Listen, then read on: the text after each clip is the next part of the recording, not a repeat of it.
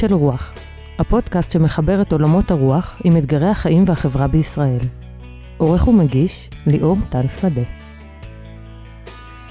שלום לכם ולכן, קולות של רוח, אנחנו בפרק ה-79, הפודקאסט מבית עמותת קולות, אנחנו מתקרבים לגבורות, אה, ואנחנו עכשיו אה, מקליטים את הפרק בראש חודש אלול, אה, ובכל שנה, וזה מעניין שכבר אפשר להגיד בפודקאסט בכל שנה, זו הפעם השלישית שאנחנו בחודש אלול מקדישים את הזמן לדברים שקשורים לתקופה הזאת של השנה מבחינה יהודית, זאת אומרת לאזורים של רחמים, סליחות, תשובה, כל מה שקשור לתוך הדבר הזה שנקרא אלול. אתם יודעים, אני אה, השבוע שוחחתי עם חבר דתי אה, שאמר לי שהוא עוד בטראומה, כי באלול בישיבה היו תמיד מפחידים אותם בצורה כזאת. הכל היה רועד, הכל היה חרדה, וזה נשארים עם, עם פחדים, עם רגשי אשם במשך שנים. אז זה לא מה שאנחנו עושים, אבל אנחנו בכל זאת מנסים להסתכל על המושגים האלה של תיקון עצמי ושל תשובה ושל אה, הניסיון אה, לעשות משהו שיוצאים ממנו אה, טוב יותר, אה, מלאי חיים יותר.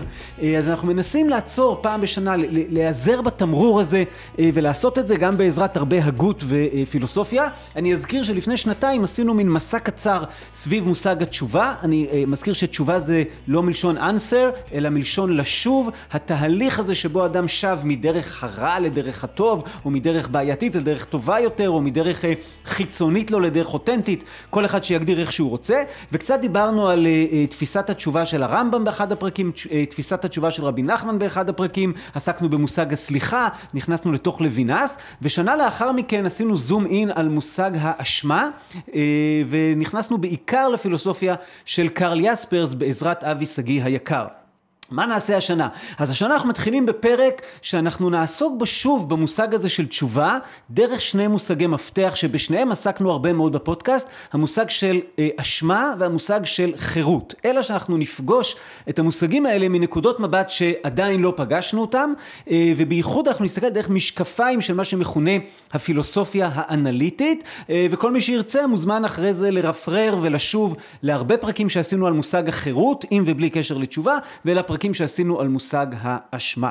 אה, אז איך אנחנו נעשה את זה? אנחנו בשיחה היום עם נועם אורן. נועם אורן הוא דוקטורנט לפילוסופיה, הוא מלגאי של נשיא האוניברסיטה העברית מטעם בית הספר מנדל ללימודים מתקדמים במדעי הרוח. נועם עוסק בפילוסופיה של הדת מנקודת מבט של הפילוסופיה האנליטית, הנה שוב המילה הזאת שנסביר, וגם בהגות יהודית מודרנית. הוא כותב ומלמד בבמות רבות, הוא כתב מספר מאמרים על הנושאים שעליהם נדון, והוא גם מעביר עליהם סדרת שיעורים שממש מתחילים כעת פרסומת סמויה במסגרת בית המדרש העברי, ובנוסף לכל מעלותיו הרבות הוא גם מאזין אדוק של הפודקאסט שלנו, ואני זוכר שפעמים רבות הוא גם מגיב לי על פרקים שונים. אז אה, שלום נועם. שלום, שלום. תשמע, לפני שאנחנו נכנסים לעניינים ועוסקים ב, בסיבה שלשמה התכנסנו, חייבים להגיד מה זה הדבר הזה שנקרא פילוסופיה אנליטית. טוב, אז זה כשלעצמה שאלה פילוסופית, אבל אנחנו לא ננסה להתפלסף על השאלה הזאתי. אה, פילוסופיה אנליטית זה בעצם פילוסופיה, זרם בעולם הפילוסופי, שהתחיל לפני קצת יותר ממאה שנים, בעקבות פיתוחים בעולם הלוגי. הלוגיקה הייתה אה, מדע שבעצם לא התקדם כמעט בכלל מאז ימי אריסטו ועד ימי קאנט, וקצת אחרי קאנט, או קצת יותר קרוב לימינו, באו כמה לוגיקנים, ביניהם גוטלוב פרגה, ראסל, ברטרנד ראסל וקצת ויטגנשטיין, שמות שאולי קצת מוכרים, והם פיתחו את העולם הלוגי, ובעקבות הפיתוח הזה של העולם הלוגי ופיתוח של לוגיקה חדשה, באו פילוסופים ואמרו, וואו, אנחנו יכולים עכשיו לעשות פילוסופיה בצורה לוגית. הלוגיקה היא כלי כל כך עוצמתי עכשיו, שלפני כן, לפני הפיתוח החדש הזה, הלוגיקה הייתה כלי מעניין, אבל לא כל כך עוצמתי, לא היה אפשר לדון בפילוסופיה בצורה לוגית. כשממש יש פה גם אה, ניתוח של מושגים או של שפה בשיטה הזאת, נכון? נכון. הפילוסופיה האנליטית התחילה את דרכה באמת בממש ניתוח לוגי של השפה, והכל היה שם ממש סביב הלוגיקה עצמה. זאת אומרת, הגבול שם בין פילוסופיה למתמטיקה ללוגיקה היה נורא נורא אה, אה, דק ולא בר הבחנה. לאט לאט הפילוסופיה האנליטית הפכה להיות פשוט זרם שלא כולם לוגיים לחלוטין, זאת אומרת לא הכל כתיבה לוגית צורנית מתמטית כזאתי, אבל הרוח הלוגית מנשבת בה. זאת אומרת הכתיבה היא נורא נורא בהירה, והכתיבה היא נורא זהירה, והכל מנסה להיות בצורה של טיעונים לוגיים, הנחות ומסקנות. ובין היתר, ככה גם בעצם עולים על שאלות, נכון? אני אומר, רגע, אני מניח הנחה א', ב' וג', פתאום זה, זה לא מסתדר לי, זה לא זורם לוגית, ואני צריך לפתור את הבעיה הזאת, וזה ממש נכון, הפתח למה שאנחנו רוצים לעשות היום, כי אתה אומר ככה, יש שלוש הנחות שאתה מניח על מושג התשובה, על האפשרות הזאת אה, שמופיעה, שאנחנו נכנסים לתוכה אה, של שינוי פנימי של האדם, ובשלוש ההנחות האלו משהו לא מסתדר לוגית. מה, אז בדיוק. נתחיל בהנחות קודם, מה שלוש ההנחות? אוקיי, אז שלושת ההנחות, או זאת אומרת שלושה טענות שלא בדיוק מסתדרות זו עם זו, הם כדלקמן. ההנחה הראשונה היא, העבר אינו בר שינוי. פשוט לא ניתן לשנות את העבר, זה נראה כמו הנחה די סבירה שכולנו פחות, כן. כולנו פחות או יותר מקבלים. אמ, למעט למע- מי שמפתח מין, אה, מנהרות זמן למיניהם, טוני בדיוק. ודג וכאלה, אוקיי. אנחנו עוד נגיע בכל מיני מנהרות זמן כאלה או אחרות. ההנחה השנייה זה שנשיאת אשמה נסובה אודות מעשים או כוונות שעשיתי בעבר. זאת אומרת, עשיתי, גנבתי כסף, אמ, או התכוונתי לעשות איזשהו משהו רע, ועל אודות המ- המעשה הזה או הכוונה הזאתי, יש לי אשמה. זאת אומרת, האשמה שיש לי היום, אין לי, היא- יסודה בעבר. אז אם אני לא יכול לשנות את העבר, אני לא יכול למחוק את האשמה. זהו, זה בדיוק, זאת, זאת הטענה השלישית, שאם אתה מצרף את שלושתן יחדיו אנחנו מגיעים לאיזושהי סתירה, וזה שהשאלת אשמה היא אפשרית. השאלת אשמה, כך אני מבין לפחות, לפחות בינתיים, בהמשך הפרק עוד נעסוק בזה, כך אני מבין את מנגנון התשובה. התשובה היא מנגנון להשאלת אשמה. ואם אנחנו באמת מקבלים את זה שהעבר אינו ניתן לשינוי, ושהאשמה נסובה אודות מעשים או כוונות שעשיתי בעבר, נראה שהשאלת אשמה איננה אפשרית. הנה, נוצר איזשהו מתח סתירה, ופה הפילוסוף האנליטי בא ל- ל- לעולם, בשביל זה הוא בא לעולם, ובא לנסות להתמודד עם הסתירה הזאת ולראות אם באמת יש פה סתירה והאם יש דרכי מילוט. עכשיו נגיד, הפ- הפילוסופיה האנליטית אה, פחות אכפת לה, אני אומר, ב, לא יודע אם המילה אכפת לה נכונה, אבל נדמה לי, פחות אכפת לה מהשאלה אם יש לזה השלכות קיומיות, אין לזה השלכות קיומיות, זה, זה מופיע אחרי זה בחיים, זה לא מופיע, אולי כן, אולי לא, יש פה איזה, אני קודם כל רוצה את הרצף המחשבתי, אבל אני צריך להגיד לנו ולמאזינים שלנו, בנושא הזה יש לזה וואחד השלכות על החיים שלנו, נכון? זאת אומרת, השאלה, האם אני מאמין שניתן להשיל אשמה, להסיר האשמה, להגיד, הייתה אשמה והיא נמחקה, יש לזה גם השלכות על מה אני אעשה עם עצמי, ועל איך אני חי עם עצמי, ועל אה, אה, שלבי התיקון, אה, יש לזה השלכות משפטיות, רגע, אם מישהו אה, לא יכול להשיל אשמה, מה זה אומר? אז הוא אף פעם כאילו לא יכול לצאת מהכלא, ואם הוא כן יכול להשיל אשמה, אז רגע, אם הוא השיל אותה, אולי הוא לא נכנס בכלל לכלא, יש לזה, זה באמת יכול להסתעף להרבה מאוד מקומות בתוך החיים שלנו. אה, אני, אני חייב רק להסתייג קצת מהדברים שלך. פילוסופיה אנליטית, השם שיצא לה, זה שהיא באמת היא אינה קיומית. כי באמת המסורת הקיומית, האקזיסטנציאלית, היא מסורת לא כל כך אנליטית. אבל פילוסופים אנליטיים, במיוחד אה, בזמננו אנו, כבר הם לא כל כך כאלה, ויש המון פילוסופים אנליטיים שמתעסקים גם בשאלות קיומיות ממש, וגם אלה שמתעסקים בשאלות שלכאורה נראות מנותקות, והם אה, ש... מעין שעשוע אינטלקטואלי, מתמטי, לוגי כזה, בעצם הרבה פעמים יש פה איזשהו משהו קיומי שנמצא ברקע, ולכן אה, אה, בתור מי שעוסק יום, יום ביומו בפילוסופיה אנליטית, אני חושב ש... זאת אומרת, יש פה איזושהי תמונה שאולי יש בה איזשהו קווים כלליים נכונים, אבל בפילוסופיה אנליטית בהחלט יש דברים שהם רלוונטיים לאדם בפן היומיומי ולא רק האינטלקטואלי. כן, זהו. אוקיי. הסתייגות, אבל אה, לא חייבים להסכים איתי. קיבלתי, קיבלתי באהבה, קיבלתי באהבה. אוקיי, אז אנחנו אמרנו ככה, אחד, אי אפשר לשנות את העבר, שתיים, האשמה מקורה בעבר, שלוש, כן ניתן. אה, להשיל אשמה, משהו פה לא מסתדר. אחת השיטות לטפל בדבר הזה היא תמיד להגיד, רגע, אחת משלוש ההנחות היא לא נכונה. אז הכי קל היה אם נגיד שאי אפשר להשיל אשמה, שאין כזה דבר תשובה, אה, אבל אנחנו לא הולכים לשם. אמרנו, ההנחה הראשונה היא שאי אפשר לשנות את העבר. והנה אני פותח בגמרא, באחת הסוגיות הכי חשובות על מושג התשובה בגמרא, מסכת יום הדף פ"ו. אגב, מתוך הסוגיה הזאת כבר דיברנו אה, בפרקי עבר, ואני מוצא שם אה, ציטוטים כמו, השב מאהבה, נעקר עוונו מתחילתו. אני אגיד את זה שוב לאט, השב מאהבה, שב מאהבה, מה זאת אומרת? שהמוטיבציה של התשובה שלי, האופן שבו אני עושה תשובה, זה לא מתוך יראה, פחד, חישובי עלות תועלת, שאלות של שכר ועונש, אלא אני... בצורה הכי אמיתית, הכי אותנטית, אני מאמין שהדבר הנכון הוא, כן, אני משהו בתוכי, אוקיי, אז אני שב מאהבה, ואם אני עושה את זה, ככה אומרים לנו, נעקר עוונו מתחילתו, כאילו העוון שעשיתי בעבר נעקר, או אה, משפט יותר ידוע, השב מאהבה, זדונות נעשות לו כזכויות. זה עוד יותר רדיקלי. הדבר הרע שעשיתי, אותה אשמה שיש לי בעבר, הופכת לדבר טוב. אז לכאורה, לפי הטענה הזאת של הגמרא, אפשר לשנות את העבר, אלא שזו טענה מוזרה. איך אתה מבין את הטענה הזאת?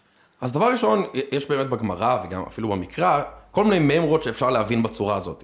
אבל כדרכם של המימרות כאלה, לא בדיוק ברור מה הפרשנות הסבירה שלהם, מה, האם מדובר פה בפרשנות מילולית, האם יש פה איזה אלגוריה, אני לא יודע. זאת אומרת, מה הפרשנות בדיוק של מה שנאמר פה.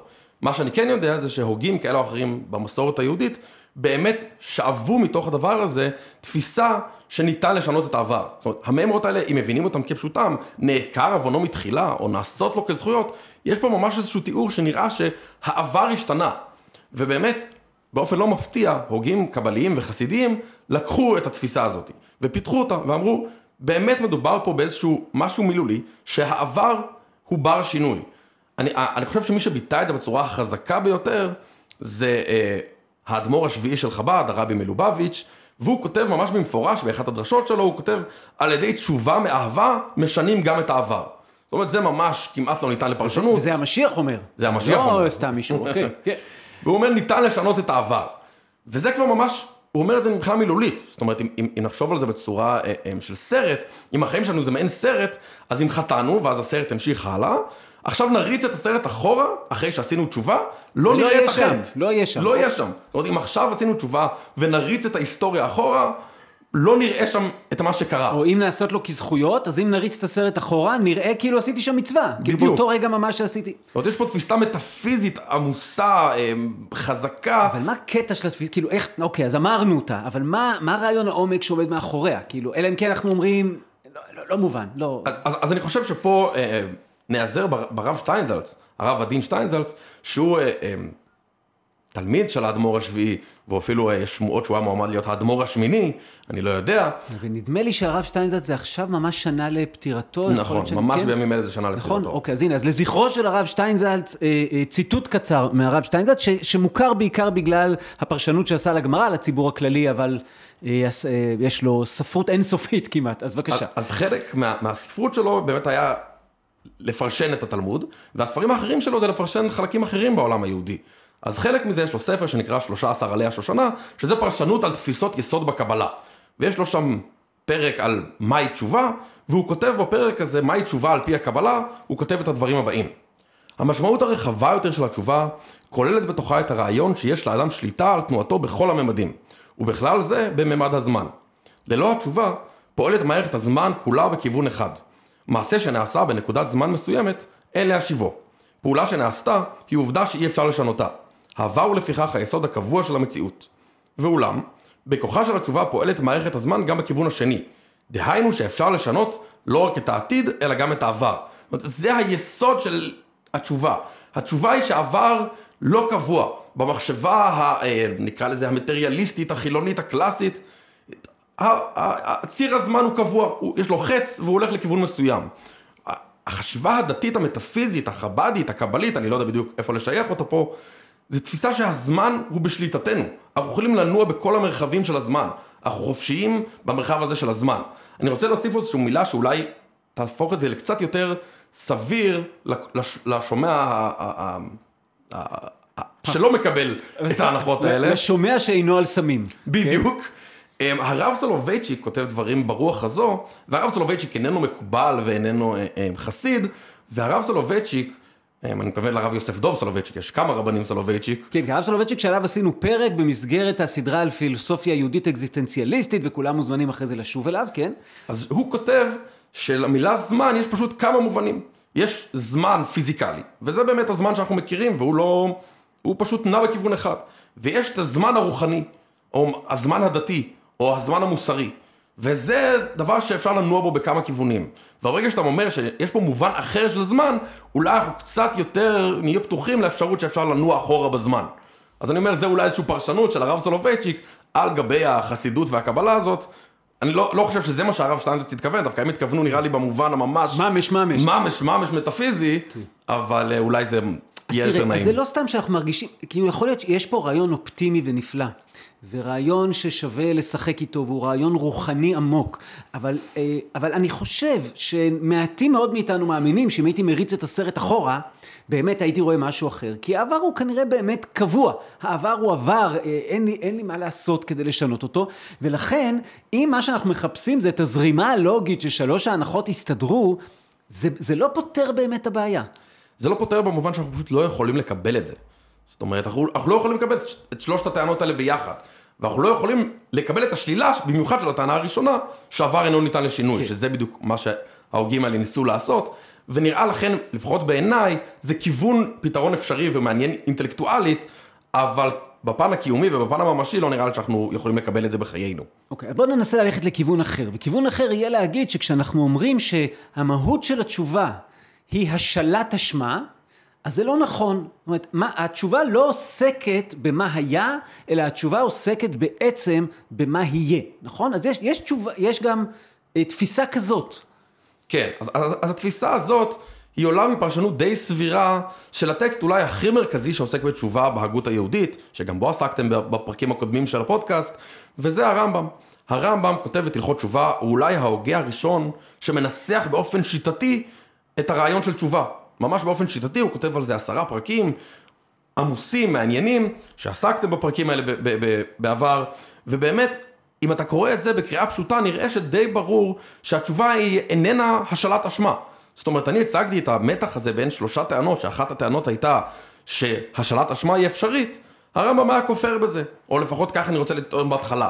הרמב"ם היה כופר בזה. השאלת תשובה, השאלת אשמה, היא באמת בלתי אפשרית. אבל זו לא תשובה. תשובה היא לא השאלת אשמה, אלא תיקון דרכיך, וקבלה לעתיד של מעשים טובים. זאת אומרת, אם עשיתי כל מיני מעשים רעים, אז הדרך לתשובה איננה להשיל את המעשים הרעים האלה, הם כבר נעשו, אלא לעשות מספיק מעשים טובים שיכפרו.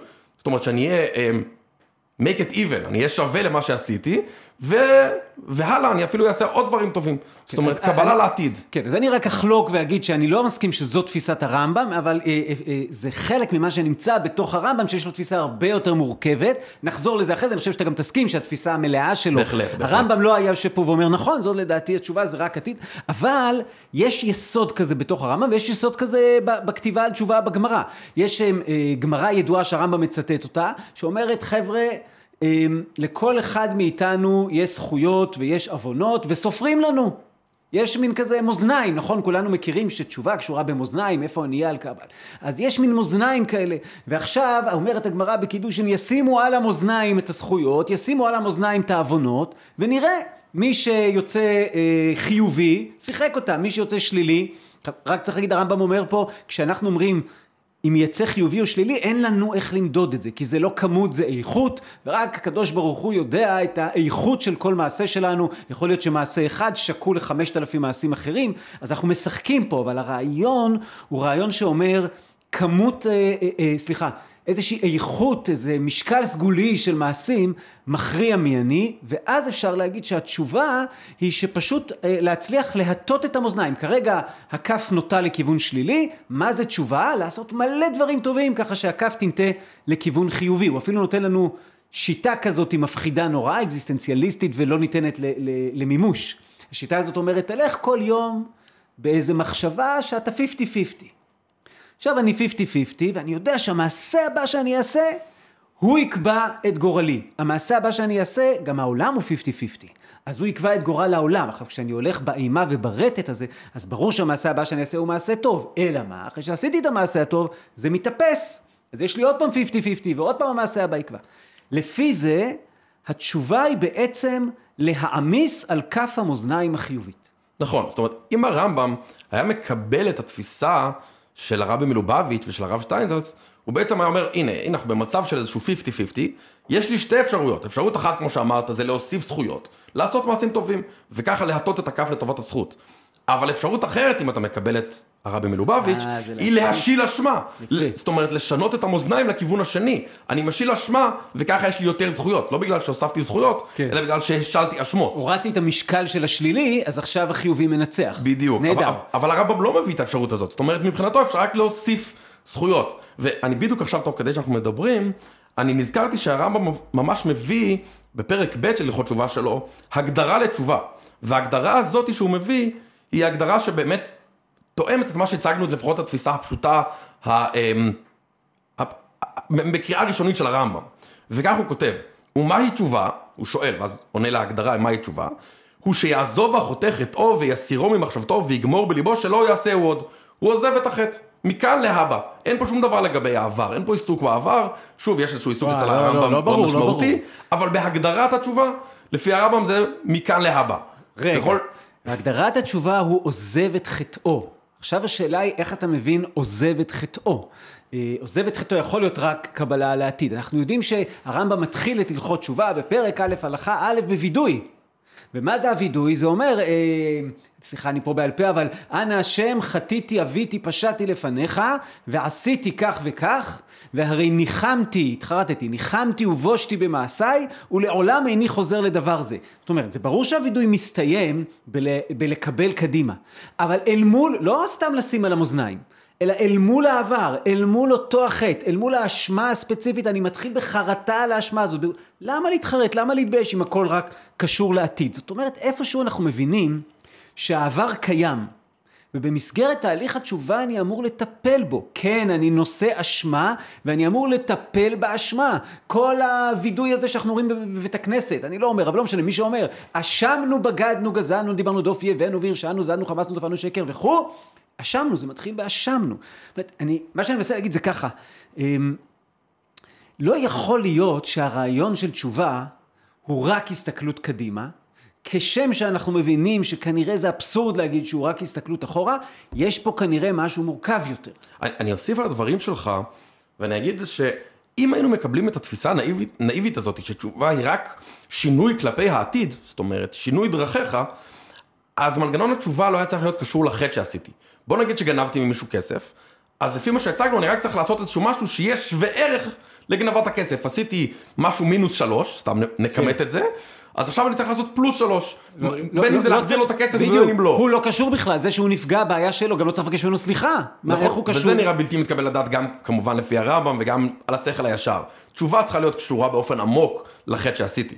אוקיי, מה שאומר שחזרנו לאותה בעיה. נכון? אם אנחנו הולכים ככה בכיף בעקבות שלוש ההנחות שלא מסתדרות ביחד, אז אנחנו מתקשים לפתור אותן, ואז אפשר להציע אה, את התשובה הנוספת, שאתה מדבר בעצם על מה? על ניתוק בין מי שהייתי, נכון? למי שאני. תגידו זה אולי איזה... אז, אז אני אקדים פה כמה דברים, ואגיד שבפילוסופיה יש המון עיסוק של מי זה האני, מה זה האני, מתי אני אותו אני שהייתי פעם ומתי לא, והאם מישהו אחר הוא לא אני, וכל מיני שאלות כאלה שהן נשמעות תיאורטיות, אבל אפשר אפילו לחשוב עליהן בצורה נורא נורא אה, ציורית. אני הולך לבית ספר שבו, בבית ספר יסודי בו גדלתי, ואני מסתכל על תמונה של עצמי בכיתה ב', ואני שואל האם אני אותו אדם?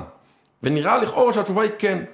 ובוא נגיד אני רואה פה עכשיו אל, אל מולי את ליאור טל שדה, ואני שואל, האם אני אותו אדם כמו ליאור טל שדה? ונראה שהתשובה היא פשוט לא, אני לא ליאור טל שדה, הוא אדם אחר. וזו התשובה, זו התפיסה הקלאסית על אודות זהות אישית, שהיא בינארית, או שאתה כן עצמך, או שאתה כן מישהו, או שאתה לא מישהו. יש תכונה כזאת של להיות נועם, ואו שאתה נועם או שאתה לא נועם. זהו, זה הסיפור. ואז, זו התפיסה הבינארית. ואז בתפיסה הזאת, אם אני נשאר איתה, אמ, אז התשובה אמורה להיות שאני הופך מבן אדם אחד לבן אדם אחר. כאילו, יש לי את האפשרות בחיי, אני אקריא אולי עוד משפט מהרמב"ם. הרמב"ם כותב ככה, מדרכי התשובה להיות השווא, כאילו השב, האיש שעושה תשובה. להיות השב צועק תמיד לפני השם בבכי ובתחנונים, ועושה צדקה כפי כוחו, הוא מתרחק הרבה מן הדבר שחטא בו, ומשנה שמו, כלומר, אני אחר, ואיני אותו האיש שעשה אותן המעשים. זאת אומרת, אמ, בתפיסה הזאת הבינארית, הייתי מישהו מסוים שהשם שלו היה ליאור, אבל אז הייתי ליאור טל, שיניתי את שמי לליאור טל שדה, אבל לא רק שיניתי את השם, עשיתי וואחד תהליך של אה, שינוי פנימי עמוק, שהיה כרוך בווידוי, אה, בקבלה לעתיד, כל הדברים. עשיתי תהליך, ועכשיו אני אומר, הצלחתי עד כדי כך בתהליך הזה, שבעצם נולד פה בן אדם אחר, אמנם הוא המשכיות ביולוגית של אותו ליאור, אבל נולד פה בן אדם אחר, ולכן גם כשהרמב"ם מגדיר, זה באותו פרק ב' פסקה לפני ההגדרה של מהי תשובה, הוא אומר מהי תשובה שלמה. אז כשהוא מגדיר מה זה תשובה שלמה, הוא אומר תחזור, בדיוק לאותו מצב, עם אותן כוחות, עם אותן תשוקות, עם אותה סביבה, ותפעל אחרת, בעצם עשית תשובה שלמה, כי מה? כי הראית כרגע שאתה כבר לא אותו האיש, אתה בן אדם אחר, כי באותו מצב אתה פועל אחרת, ואז לכאורה פתרנו את הבעיה, יצרנו נכון. בן אדם חדש. העניין הוא שמה שאתה מציג פה נראה פשוט קצת בלתי מתקבל על הדעת. האם אתה באמת לא אותו ליאור טל שדה, או ליאור טל, שהיית לפני כן? וזה נראה בלתי מתקבל על הדעת. ובאמת מי שמקבל את התפיסה הבינארית הזאת של האני, מתקשה לקבל את זה. בפילוסופיה המערבית נהוג לייחס את התפיסה הזאת לדקארט, ולכן התפיסה הזאת מכונה קרטזיאנית, וזה זה שיש איזושהי ליבה שהיא האני, והיא ממשיכה לכל, לאורך כל חיי, ואולי אפילו לאחר מותי, אה, וזה איזושהי ליבה שהיא האני. וזה באמת התפיסה שרווחת אצל אולי רובנו בצורה אינטואיטיבית. האני זה איזושהי ישות כזאת שתמיד מתקיימת. כדי להפוך את התפיסה ליותר סבירה, ששינוי האני סב... נשמע מתקבל על הדעת, נראה לי שצריך לאמץ תפיסה שהיא לא בינארית, אלא סקלרית, היא הדרגתית כזאת, וזה שהאני הוא לא או שאני מי שהייתי בכיתה ב' או שלא, אלא אני יכול להיות קצת מי שהייתי בכיתה ב'. האם אני אותו אדם שהייתי בכיתה ב'? התשובה היא קצת, הרבה, אולי הרבה, אולי קצת, אני לא יודע. יש קשר, מקו... יש אני... קשר בין יש אה, שתי קשר. הדמויות הללו, יש המשכיות רציפה, אבל עדיין במידה מסוימת זה כבר, זה כן ולא ביחד כזה. בדיוק. אגב, נשאלת השאלה, האם אני ליאור טל שדה? האם נועם אורן הוא ליאור טל שדה? וגם פה התשובה לא תהיה לא, אלא קצת. יש מובנים שכן, יש מובנים שלא, יש דברים שאנחנו זהים, דומים, יש דברים שאנחנו לא, ולכן הסיפור הבינארי פה מתפרק. והפילוסוף המרכזי שהציג תפיסה כזאת, בדור הנוכחי הוא פילוסוף אה, אנגלי בשם דרק פרפיט, לא יהודי, איום ונורא, בכל אופן, כן. אבל אה, הוא עסק המון בתפיסת הזהות האישית, גם בהקשרים אתיים, והוא ניסה להציג שבעצם, אם אנחנו מאמצים תפיסה שמה זה להיות אני? להיות אני זה פשוט אוסף תכונות פסיכולוגיות, ביולוגיות וכן הלאה. ואם זה אוסף התכונות האלה, התכונות האלה משתנות לאורך הזמן. הרי התכונות הביולוגיות שלי בוודאי משתנות. אין לי את אותן תכונות ביולוגיות שיש לי בכיתה ב', אבל גם התכונות הפסיכולוגיות שלי השתנו מאוד. זאת אומרת, יכול להיות שיש איזשהו קווי דמיון מסוימים, אבל בוודאי שהשתניתי מבחינה פסיכולוגית מאז שהייתי בכיתה ב'. והתפיסה הזאת היא שאם האני הוא באמת אוסף תכונות כאלה, ביולוגיות, פסיכולוגיות, היסטוריות, סוציולוגיות, לא משנה איזה תכונות תכניס פה, אז האני הוא בר שינוי. ולא רק זה, הוא גם משתנה לאט לאט באופ, באופן טבעי. אני חושב שאם מאמצים את התפיסה הזאת של פרפיט, אפשר להציג את התשובה בצורה שיהיה אפשר לקבל אותה אה, אה, לאדם המערבי המודרני. וזה שתשובה היא פעולה אקטיבית לניתוק האני מהאני שחטא. זאת אומרת, שוב, זה לא ניתוק שלם, זה לא איזה יצירת אני חדש לחלוטין, זה ניתוק החלק שבי שחטא. ואם ניקח את הדוגמה הזאת של הרמב"ם, שלקוחה גם מהגמרא, שאותו אדם חוזר לאותו מעשה. זאת אומרת, אם אדם חטא, הדוגמה שהם מביאים זה חטא... אה, אה, עם אישה. עם אישה. כן. בדיוק. הוא חזר לו, והוא התייחד עם אותה אישה במובן הזה שהוא היה נמצא איתה באותה חדר, באותו חדר. ובאותה סיטואציה שפעם קודמת הוא נפל. אם הוא נמצא באותה סיטואציה והפעם הוא לא נפל, אז יש מובן שהוא חזר בתשובה, זה, זה המדד לחזר בתשובה. ולמה? כי נראה שהתכונות הפסיכולוגיות שלו השתנו. אם פעם התכונות הפסיכולוגיות שלו לא אפשרו לו לא ליפול, עכשיו הדיספוזיציות, הנטיות שלו, מאפשרות לו להתגבר על יצרו. והוא כבר לא בדיוק אותו אדם. איך זה פותר לנו את הבעיה של שלושת הטענות? כי עכשיו האשמה באמת קיימת, אבל לא עליי.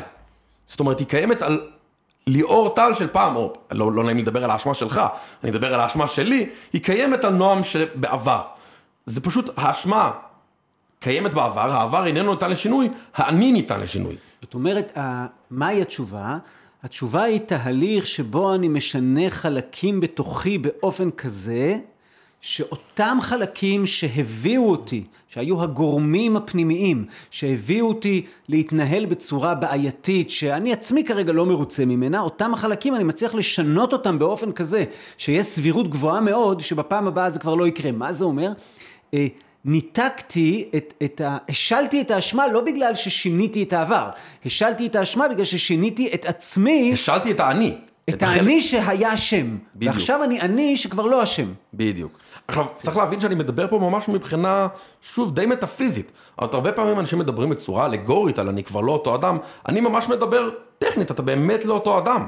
אתה ממש לא אותו אדם, שוב, לפחות במישורים שחטאת בהם. הצלחת להשיל את החלק שבו חטאת. יש פה המון שאלות פילוסופיות שעולות בעקבות זה. כן, לא וה... רק פילוסופיות, יש פה שאלות פסיכולוגיות, אני מתאר לעצמי שעכשיו יושבת איתנו פסיכולוגית רצינית מעמיקה, היא הייתה אומרת לנו, חבר'ה, די עם האשליות האלה. אין, אני יודע מה, אני לא הולך לפסיכולוגית רצינית מעמיקה, אני אקריא לכם משפט של אחד העם או שני משפטים מתוך אה, אחד ממאמריו. הוא אומר ככה, האני של כל איש הוא הסכום היוצא מחיבור זיכרונו, העבר, עם רצונו, העתיד, מהתאחדות העבר עם העתיד. בהמשך אותו מאמר הוא כותב, הרוח או הכוח הפנימי המאחד באיזה אופן נסתר את כל הרשמים והזיכרונות של העבר עם כל החפצים, הרצונות והתקוות לעתיד ועושה מכולם יחד בריאה אחת שלמה אורגנית. זאת אומרת, לכאורה מה שאנחנו מציעים פה פוגע בעצם מושג האני.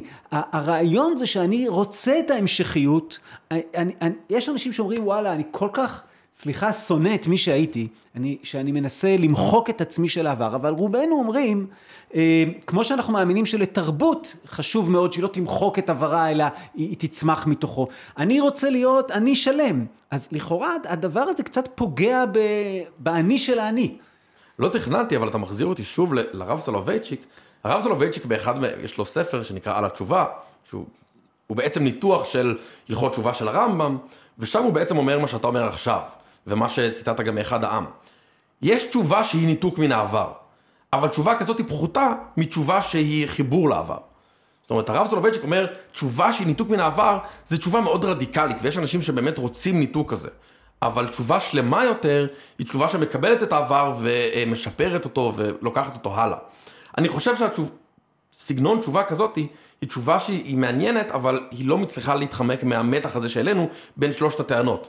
וגם, אם לא נדבר רק בשפה הטכנית הזאת של שלושת הטענות האל, האלו, אם אנחנו מאבדים את התפיסה הזאת של פרפיט, על לגבי זהות אישית, אין פה באמת איזשהו ניתוק חד וחריף וחזק של האני מהאני העבר.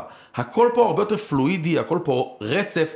אני כן אותו אדם שהייתי בכיתה ב' ואני כן אותו אדם שלפני שחזרתי בתשובה, פשוט החלק שחטאתי, וזה לא נראה לי נורא עצוב לאבד את החלק שחטאתי. כן, אבל זאת שאלה אם אפשר, זאת, זאת אותה פסיכולוגית הייתה אומרת לנו, אם אפשר לאבד לגמרי. אני נזכר בסרט אה, אושפיזין, אה, עם שולי רנד, אז זה לא סרט גדול במיוחד, אבל יש שם סצנה מסוימת בסרט, שרואים אותו, כאילו את כל ה...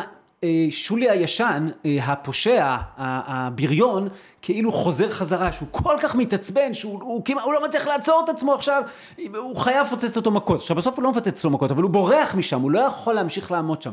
מה שאני מנסה להגיד זה שאולי צריך לקחת בקצת ענווה או בפרופורציה את האפשרות הזאת שאני משנה חלק שבי עד כדי כך שכמו שאומר הרמב"ם, איני אותו האיש. אני אותו האיש, ולפתח הטעת רובץ, וזה נמצא שם, ואני יודע שאם נפלתי שם פעם יכול להיות שאני אפול בעתיד, וזה שעכשיו יכול להיות שארבע פעמים אני לא אפול, בפעם החמישית כן, לא אומר שלא עברתי שינוי, הנה ארבע פעמים לא נפלתי. כאילו שנהיה יותר עדינים עם עצמנו, נהיה קצת פחות קשים. בכל מקרה, כל מה שאנחנו אומרים עכשיו, אה, זה בעצם אומר שיסוד התשובה זה בבחירה של האדם לשנות משהו בתוכו ולהשתנות ולשנות משהו אז קדימה בחייו. אה, היכולת לבחור להשתנות שהיא כל כך חשובה וכל כך מרכזית בכלל אה, אני חושב בתפיסות קיומיות ובתרבות היהודית ודאי, אולי גם לכן הרמב"ם מעמיד במרכז הלכות תשובה, ממש בפרק האמצעי, את הנושא של בחירה חופשית, כי הוא אומר, אם אין לי בחירה חופשית, אז ברור שמושג התשובה לא רלוונטי. זאת אומרת, אם אני לא יכול לבחור להשתנות, אז, אז כל הרעיון של תשובה בטל מעיקרו, או במילים אחרות, תשובה מבוססת על חירות. ובשיחה שהייתה בינינו, אתה אמרת לי, אה, הפנית אותי לרב דסלר, שנותן איזה נקודת מבט אחרת על התפקיד של בחירה. ושל חופש בתוך מעשה התשובה. הייתי אומר נקודת מבט כמעט מהפכנית, כי הרעיון המרכזי שלה, שמיד אני מבקש ממך להסביר, זה רעיון שאומר, אה, אני בוחר להגיע למצב שאינני בוחר. אבל בוא, בוא תגיד לנו אולי קצת מילה מי זה הרב דסלר ו- ועל התפיסה שלו. אז הרב דסלר הוא אה, אחד מן ההוגים המרכזיים של העולם החרדי אה, במאה השנים האחרונות. הוא חי בהמון מקומות, בסוף הוא אה, היה בארץ ישראל, אה, והוא אולי המנסח, אחד מן המנסחים השיטתיים של ההגות החרדית. זאת אומרת, העולם החרדי לא מתעסק המון בהגות. בשל האזור היותר מוסרי, נכון. מוסרני בתוך העולם הזה. זאת אומרת, הוא, היה מה שנקרא אה, משגיח בישיבת פונוביץ'. משגיח זה מי שמשגיח שהתלמידים באמת עושים את מה שהם צריכים לעשות. כלומר, לקיים מצוות, להגיע לכל התפילות, ללמוד שלושה סדרים כמו שצריך. כן, אבל משגיח, משגיח טוב, אבל, אבל משגיח טוב הוא, הוא גם איש חינוך מדהים. בדיוק, וזה בדיוק מה שהרב דסלר עשה. זאת אומרת, הוא לא רק השגיח במובן הטכני, אלא גם הוא העביר שיעורים שיעורי מוסר, שמוסים, מה שנקרא, שיעורי מוסר שנועדו לעודד את התלמידים לחיות את אורח חיים המצופה מהם כמו שצריך. והשמוסים האלה לוקטו בחמישה ספרים שנקראים מכתב לאליהו, והם בעצם הצגה שיטתית של תפיסת העולם החרדית, הליטאית מאוד, לגבי איך צריך להיות, לחיות את החיים, ושל בירור מעמיק מאוד של הדו, היסודות הרעיונים שנמצאים בתוכה. מה, מהי תשובה, מיהו אלוהים, מה הקשר בינינו לבין אלוהים, וכן הלאה. אז זה באמת אולי אחד מספרי ההגות החרדים המרכזיים, שהם, אגב, הם גם נורא נגישים, הם נורא קריאים, ואני ממש ממליץ לכולם לקרוא אותם. אוקיי, okay, אז אנחנו עכשיו נחזור לנושא שלנו. אז הרב דסלר כן. מעמיד אחרת את סיפור חירות ותשובה. בואו בוא נכון. ננסה להבין. אז הסיפור של חירות ותשובה הוא, הוא סיפור עמוק, ונכתב על זה המון. אנחנו עכשיו נעמיק ספציפית אצל הרב דסלר, והרב דסלר מביא משל שהוא נורא נורא מעניין, והוא אה, אה, נראה לי גם, כשתשמעו את המשל הזה, הוא יהדהד לכם משהו מוכר. הוא יהדהד לכם משהו מוכר באופן פנימי, לא בגלל שיש איזה ציטוט מוכר, הוא יישמע לכם נכון, יישמע לכם מתאים. אז המשל של הרב דסלר הוא, הוא, הוא כזה, הוא אומר, המצב הזה של מלחמת יצר הטוב ביצר הרע, הרצון שלנו לחטוא והרצון שלנו לעשות טוב. המלחמה הזאת בין שני היצרים משולה למלחמה באמת. ואיך מלחמה באמת מתנהלת? הוא מדבר על מלחמות קצת עתיקות, זה לא כל כך נכון לימינו, אבל אתם בכל זאת תבינו על מה מדובר. המלחמה היא מתנהלת בגבול מסוים. זאת אומרת, כאשר אנחנו נלחמים בעם אחר, אז יש איזשהו גבול שבו המלחמה מתרחשת, והמטרה של כל צבא זה להזיז את הגבול כמה שיותר לכיוון האויב. כאשר המטרה הסופית היא כיבוש מוחלט. זאת אומרת שהגבול יהיה בקצה גבול האויב. זאת אומרת, המלחמה היא מלחמה של שני צבאות, שמטרתם להזיז את נקודת הגבול. אבל בכל צד, זאת אומרת, בתוך כל צד, אין מלחמה.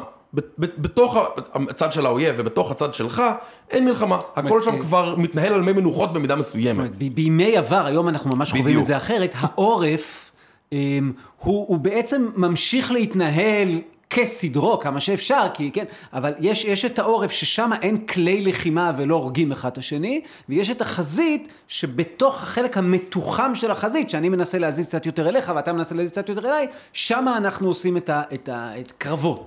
בדיוק. אז, אז אם אנחנו מביאים את התפיסה הזאת של המלחמה, אומר, כך מתנהלת גם המלחמה של יצר הטוב ויצר הרע. לכולנו יש מעשים שאנחנו לא נחלום לעשות. זאת אומרת, רובנו לא נרצח, ולא נגנוב גנבות משמעותיות, זה פשוט לא יעלה על הדעת. במובן הזה אין לנו בחירה בנושא הזה. זה לא שאין לנו בחירה במובן שבאמת אין לנו שום יכולת, אלא אין לנו בחירה כמו שאנחנו אף פעם לא נכניס יד לתוך אש. זה לא אפשרות ממשית עבורנו. אנחנו לא חששים שזה יקרה, וזה לא יקרה. זה פשוט מטבענו, אנחנו לא נעשה את זה. באותו מובן יש גם דברים רעים שאנחנו תמיד נעשה. יש לנו איזה חטאים, לא יודע מה, אם נסתכל על רכילות, או על כל מיני דברים קטנים שאנחנו תמיד כולנו נחטא, אנחנו אפילו לא חושבים על זה שאנחנו כן, חוטאים. יש גם, יש גם דברים טובים שבחיים לא נעשה, נכון? בוודאי. יש דברים שהם כאילו, אני אומר, אה, אני, טוב, כל דוגמה שאני אתן, יהיה אפשר להתפלסף האם היא, היא באמת טובה, כן? אבל אני לא אתן את כל רכושי למען העניים ואיך יהיה, ב... אה, אז יש כאילו, אני בעצם נמצא... במאבק עם עצמי בין אה, נקודה א' לנקודה ב', שזה יהיה שם וואחד טווח. אבל אני לא נמצא מעבר להן במאבק. נכון.